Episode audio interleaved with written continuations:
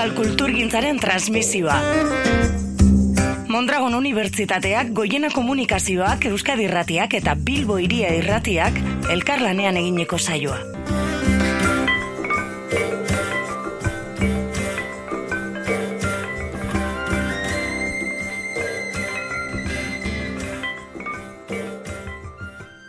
Ane albizu hiri arterekin gaude, Euskaltasunaren errepresentazioa, soinekoa, estetika eta transmisioa izan da, eskaini digun itzaldia, gaizo zen moduz? Ba, kaixo.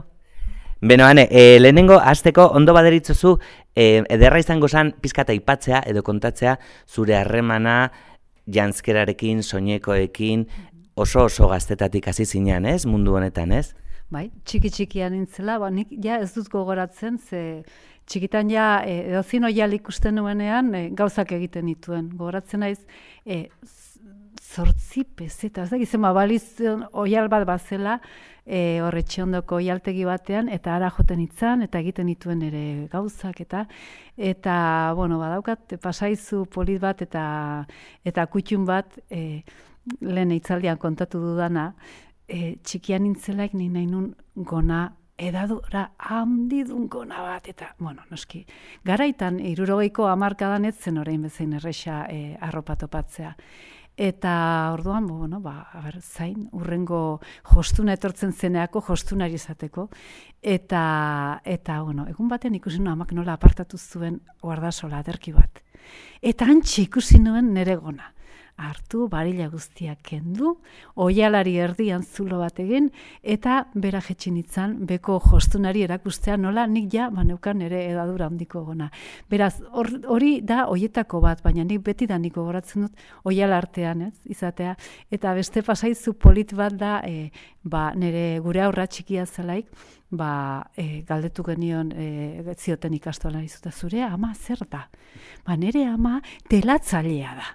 Eta handerinok zer, zer da telatzailea? Gero guri esaten zigun, haizu zertzea zu. Ba, ba hori beti oialen artean ikusten nau eta hain zuzen ere ba, atondu e, horri buruz hitz egin dut itzaldian eta atondu, atondu proiektu horren astapenetan geunden eta egun osoa oialak aurrea eta hori telatzailea. Orduan, agian horrela definituko nuke neure burua. Telatzailea. Telatzailea, ederra da, ez da. E, bueno, kokatu behar dugu pizkat, e, garaia ere, irurogeita marreko amarkada ingurua izango zelako, ez da, momentura, zuk aterkiarekin jolastu zenuen momentura, edo? Lehenago, lehenago, irurogeia, irurogeita, ez aterkiarena izango zan, irurogeita bost, zei. Askoz lehenago. ume, ume zinean, orduan. Zan iruro geikoa naiz, beraz, e, bai. Zei bat urte izango nitu igual, txikola bera, bai. Orduan, e, garai horretan, bueno, badakigu, e, Euskal Herriak ze momentu bizi zuen, momentu latzak ziran, oso momentu zaiak, orduan ere, e, janskerak harremana badauka guzti honekin ere, az gaitezen bizka kokatzen, ez da? Zer dan janskera, e, moda ez delako, ez da? Gauzak e, pizka kokatzen joaten azteko. Bueno, bai, nik e, ja, ono ikustiakin ja berrogei bat urte badaramat, eta orduan e, ikusi nuena, eta tesi bat ere egiten nahi nizunen inguruan, eta ikusi nuena zan, pixka bat, e, zehaztu behar genuela zertazari ginen. Eta orduan nik lehendabizi e, zehazten dudana, edo lehendabizi egiten dudan berizketa da, jantzi, jantzki eta jazkera.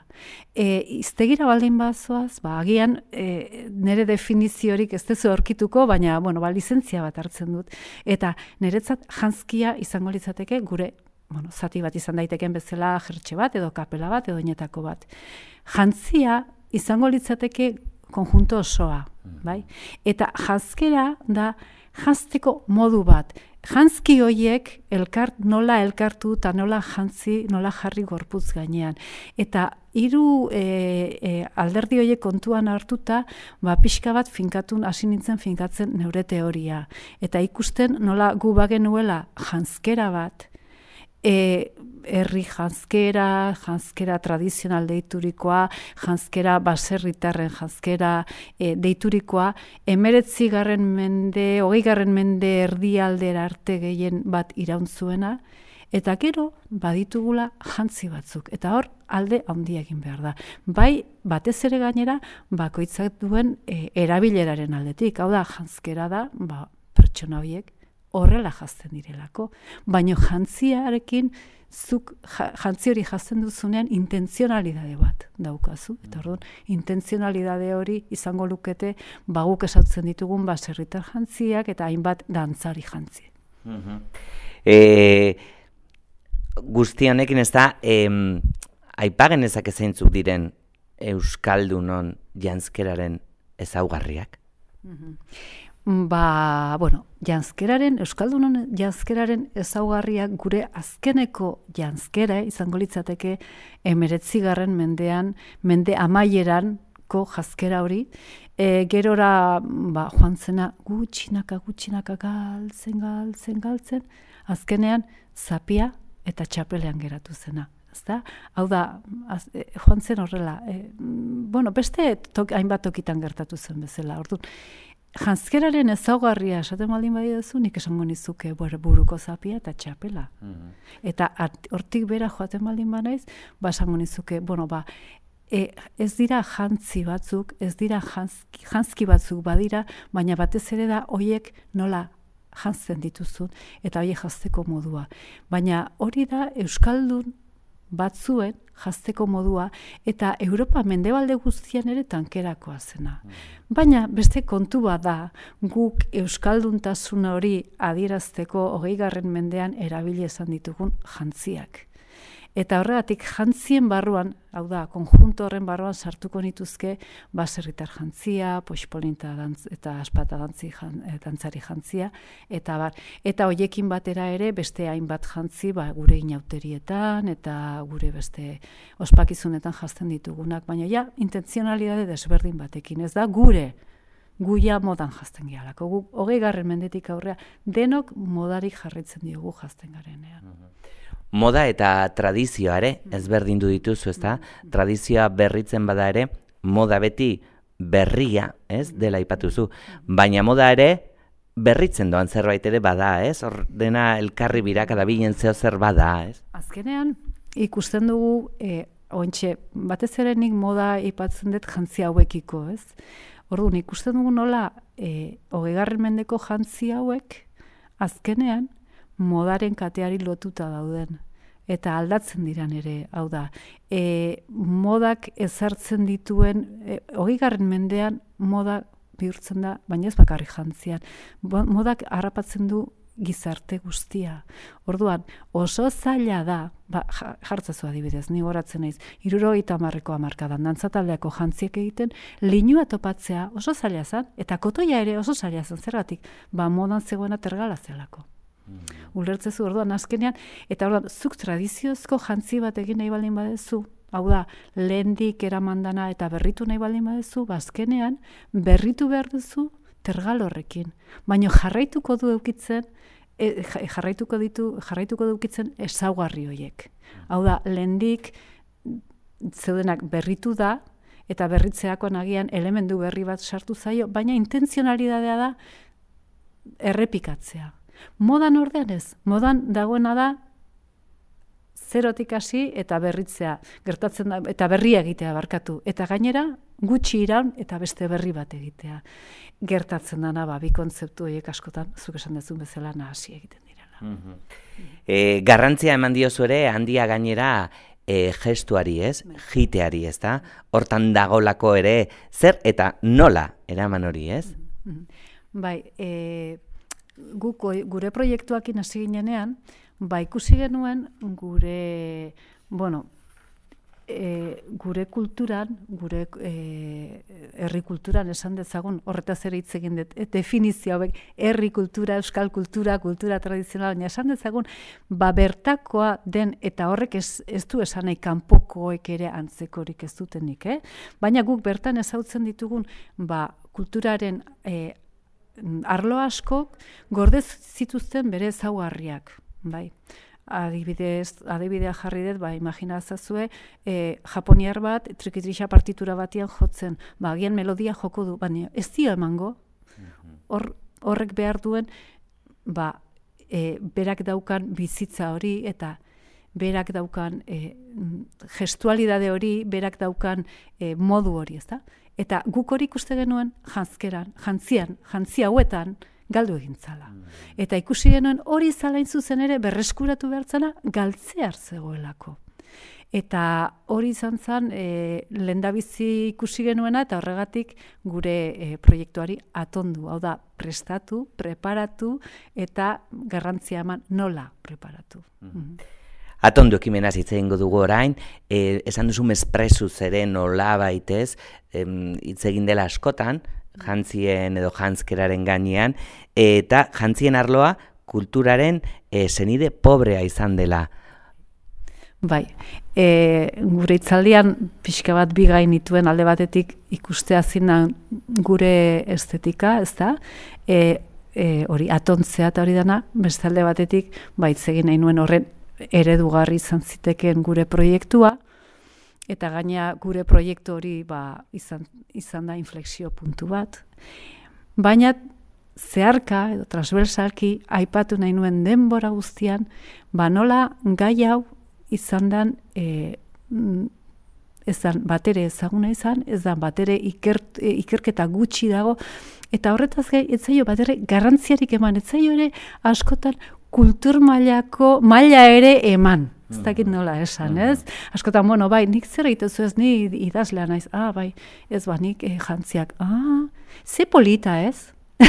Hau da, bere ala dago polita itxusia eta punto. Ez dago, ez dago horren azpian ez dago e, ulertzea, bau ere, gure espresabidea da.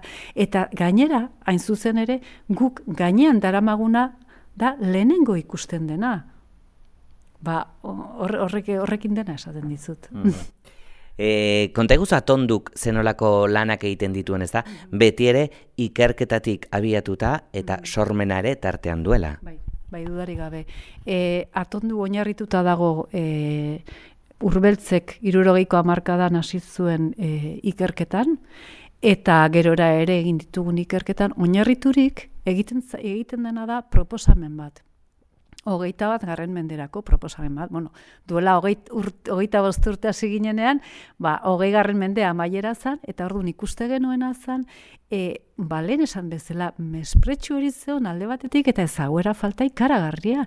Etzen, etzen, e, zintzen inunik hasi, eta zoritxarrez oraindik ere ez. Mm honi buruzko ezer, bueno, liburu batzuk daude, baina gero jendeak ba jantzi bat egin nahi duenean edo edo honi buruz e, hitz egin nahi duenean ez daki nora. Jo.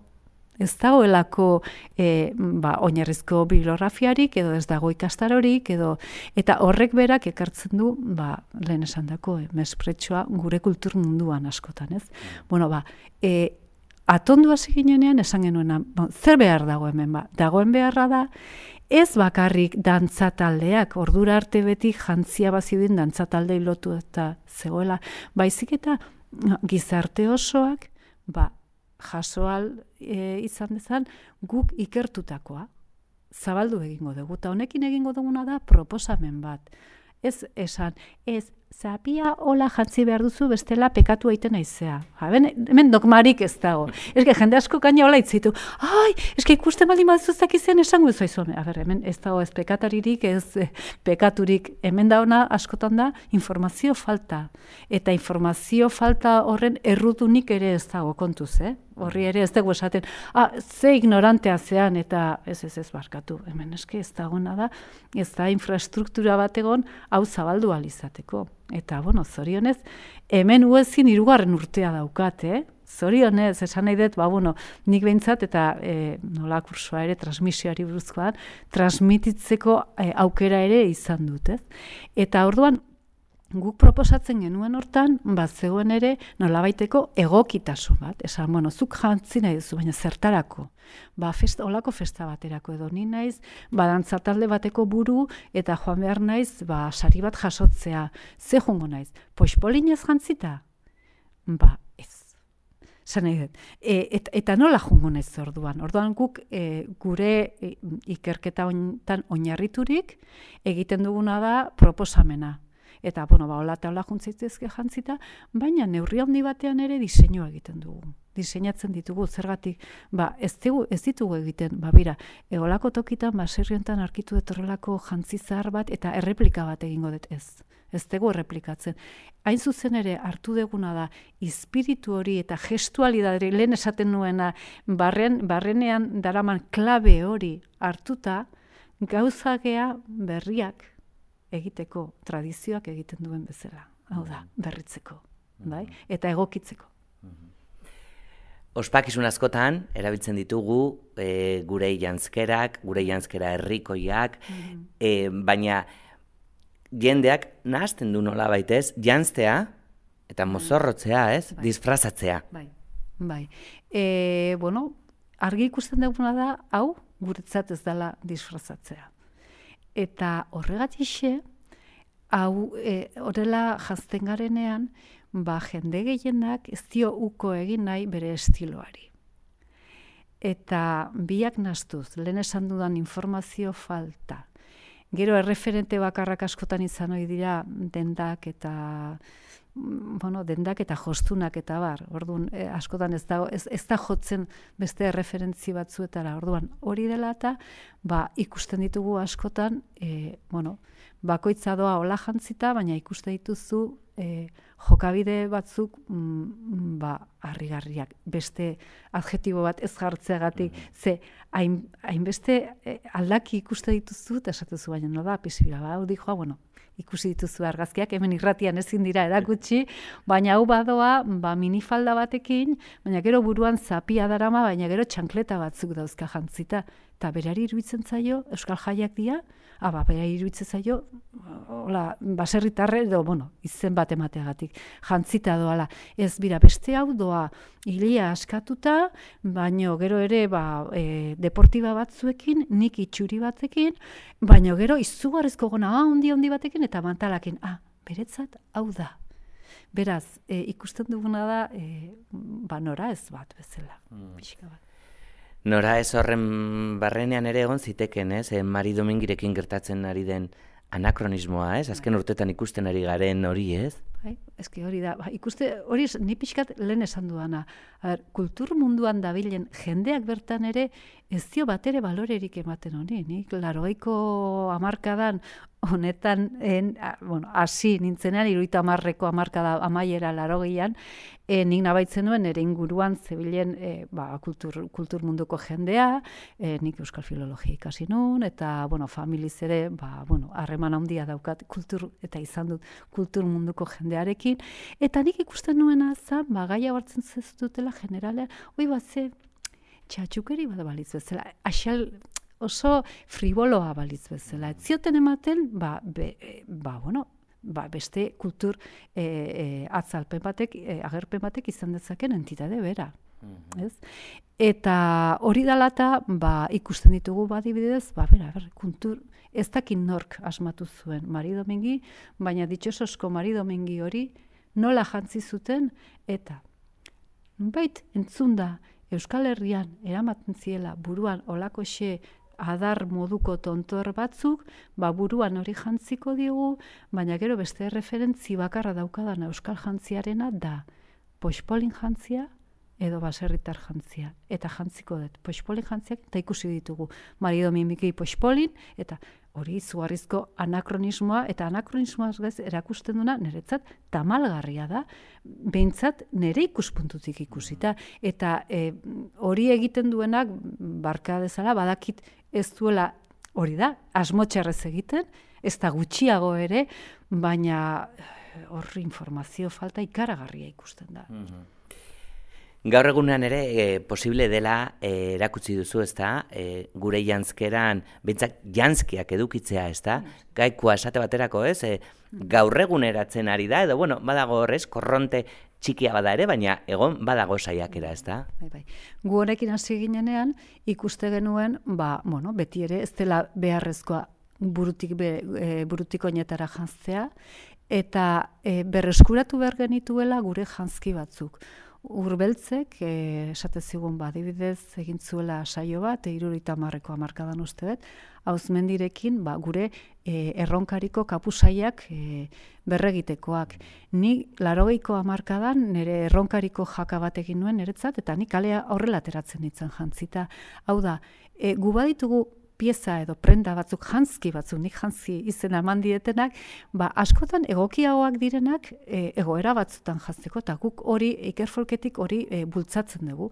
Ba, momentu batzuetan, bueno, ba, juntzaitezke txapela jantzita, eta horrekin, bueno, hor egiten duzu ritual bat modu batean, zu normalean txapelakin espazioaz behintzat, eta hor adirazten duzu zerbait txapela jantzita, edo buruko zapia jantzita besterik ez, ni maiz atera naiz, mm, bueno, normal jantzita, normal esan nahi dut kaleko jantzita, eta buruko zapiarekin.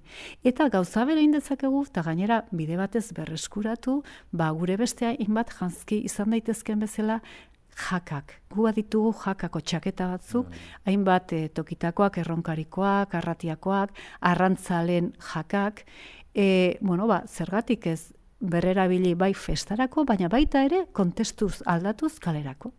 Zergatik ez. Eta hor ikuste ditugu, ba, ba, bueno, nik, nik erabiltzen nuen bezala, ba, hor ikuste ditugu, ba, orentxe bertan, badirela, bueno, kimu batzuk, baina ari direla, ba, ateratzen, eta gainera, gure mundu honetatik, at, esan nahi dut, guk, e, ba, gure, gure elkartea, hain zuzen ere, e, folklorean eta tradizioan eta ikerfolk izena duen, ez, ezta? Hortikan, e, hortikan bultzatzen dugu, baina ikusten dugu ere beste toki batzuetatik ere badagoela, ez?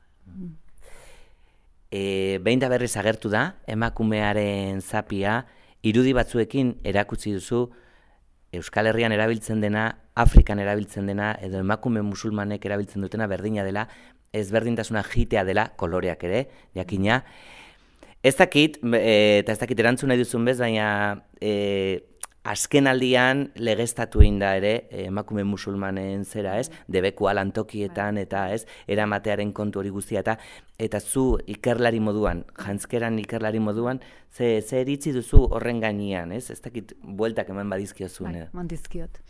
Bueno, nik irakurri dut, e, debekua datorrela, hain zuzen ere toki batzuetan, e, ez delako bidezkoa burua estalita eramatea, ez, ez, ez musulmanen zapia, ez da kapelarik ere. E, bueno, hori egia da, irurogeiko amarkada arte denok buruan zerbait eramaten zutela, ez da? bai gizonezkoek eta bai emakumezkoek, orduan batzuk buruko zapia, beste batzuk kapelak, eta bar, eta txapelak, eta bar, eta bar. Gero, ohitura hori galdu zen egia da ere, adibidez emakumeak toki sakratuetara sartzen zirenean, mantila jazten zutela. Hain zuzen ere, estali egiten ziela. Eta gizonezko kordea, buru, e, batoki batea sartzeakoan, errespetuz burukoa mm. erantxiten zela. Orduan, aber, hori o, kultura eta ohiturei oso loturik dago. Eta esaten baldin badia zu, toki askotan, e, txapelarena nik badakit toki batzuetan debekatzen dituztela, ba, e, bueno, arazo, segurtasun arazoak egon daitezkeelako. Orduan, hori kenduta, hori kenduta, esan nahi dut, ba, besterik ez baldin bada, ba, baten batik, or, baten bati iruitze zaiolako, emakume batek buruan zapia eramatea jazarpen modua dela, neri alde hortatik ez ondo iruditzen. Ze, bueno, pertsona horrek zapia jantziko du, inork ez daki, bate batek behartu dulako edo berak nahi duelako. Hmm. Orduan, iruditzen zait oso terreno labaina e, esatea debekatzea. Zergatik debekat, ba, debekatu ere prakak eramatea, garai batean e, minigonak debekatuak zeuden bezala. Debekatu minigonak, edo debekatu, e, bueno, italiako elitzetan ezin da sartu e, txaketari gabe, besoak utxik, orduan, haber, hor badira arau batzuk, e, neri alderdi hortatik iruditzen zait, osea, iruditzen baldin bat zaie, dala, e, ba, pertsona horiek behartuta daudelako, alde bate utziko nuke, zergatik, ba, alderantziz, ni, joaten baldin naiz lurralde horietara, behartzen naute, eramatera hori, eta ez zait batera ondo iruditzen. Neri, iruditzen ez bazait ondo, haiek ni behartzea, ba, zapiarekin, ba, ez zait ere ondo iruditzen kontrakoa. Baina kontuz, ez dakit e, araudi hori ere dirudienez ez da bakarrik zapiekin, baita ere da ba, kapelekin, eh, bixerekin, eta la orduan, a ber, araudi orokor bada, da buruan ezin diteke ezer eraman. Orduan, hor ja ez nahi sartzen. Baina bestela balitz, bai, esatizu, ez neri gustatzen ez zaidan bezala haiek neri jartzia, ba, onduritzu zait ere guk ez diogula berarik kendu behar. Hane, eta bukatzeko, aipatu behar ditugu zure beste lan guztiak guztiak, eza, jantzitegia edo jantzien gainean ere ze, ze kolaborazioak egite dituzun, mm, bai. Balentziaga Museoan duela hilabete inguru edo, bai. gonzara, Santelmorekin ere harreman zuzena duzu. Mm Bai, bueno, e, nik orain aipatu, orain arte, eta itzalean aipatu duna dana, da, ba, ikerfolkeko partaide bezala egindako proiektu bat, nala atondu proiektua, ez? Baina nik beste lan batzuk ere egiten ditut, eta eta bueno, e, kolaborazio lanak batez ere eta ikerketak alde batetik, bueno, ikerketa pertsonala egiten ari naiz, e, kontatu dudan bezala tesia egiten bai. ari naiz, badaukat ikerketa pertsonal bat, eta gero beste alderdi batetik, ba, kolaborazioak ititu, nek, toki desberdinetatik deitzen didate, ba, bueno, e, e, aulku bila, edo, e, eta, bueno, aipat garrienetako bat izango litzateke Santelmo Museoarekin egiten dudan e, kolaborazioa, Iker Folken bitartez, eta bueno, ja duela amaika urte ere, e, hasi nintzen, lehendik ere e, harremana izan nuen, ba, ara joan nintzelako antzituzten jantzi batzuk eta ikustea nere ikerketa baterako behar nituelako e, estesia, beste ikerketa baterako behar nituelako.